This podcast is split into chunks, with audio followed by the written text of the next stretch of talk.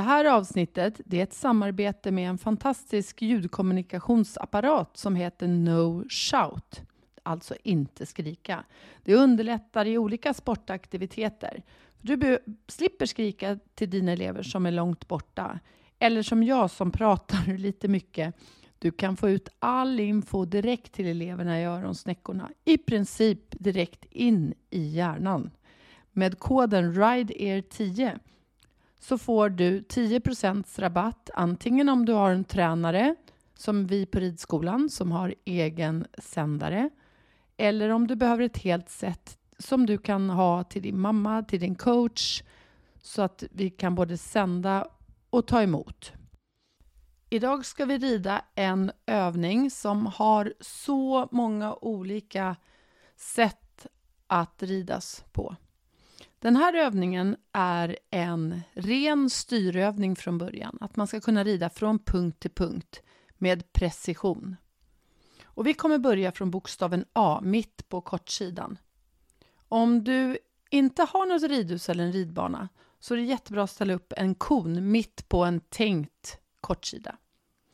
A till mitten av långsidan som faktiskt heter B om vi går nu i vänstervarv. Sen ska vi styra rakt fram till bokstaven C. Det kommer bli en spets. A till B till C kommer se ut som ett långt V.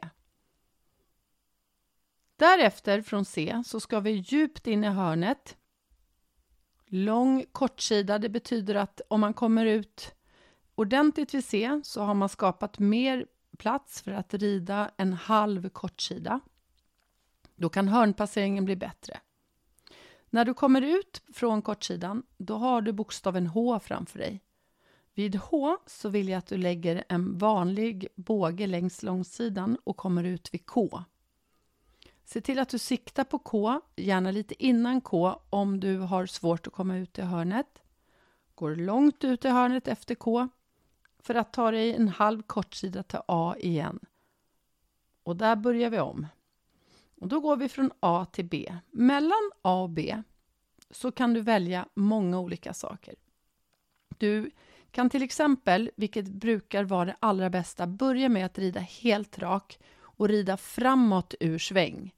Så vid A så rider du längre skrittsteg, längre travsteg eller längre galoppsprång eller framåt om du vill hellre tänka det.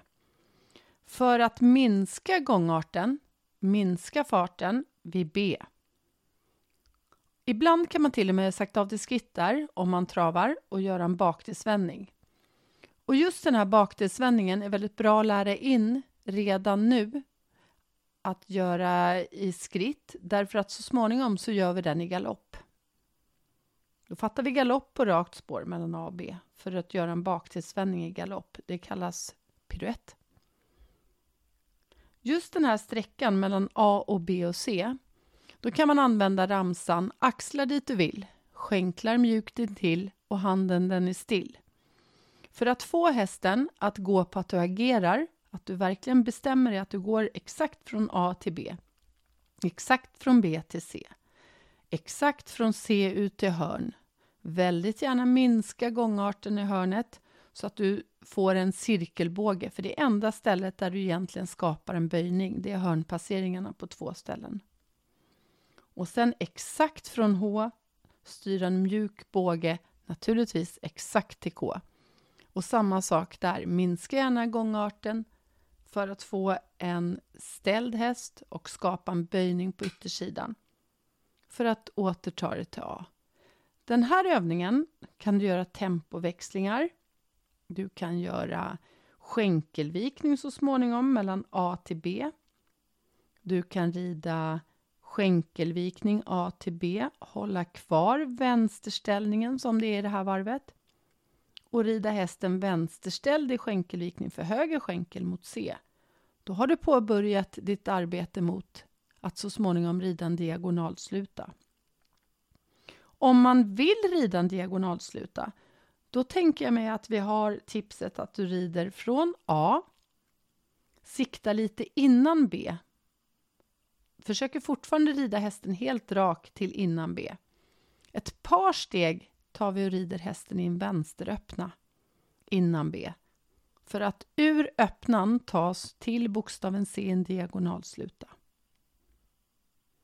Om vi släpper linjen ABC med alla olika tänkbara övergångar och galoppfattningar på rakt spår, övergångar på rakt spår eller tempoväxlingar så tar vi långsidan mellan H och K.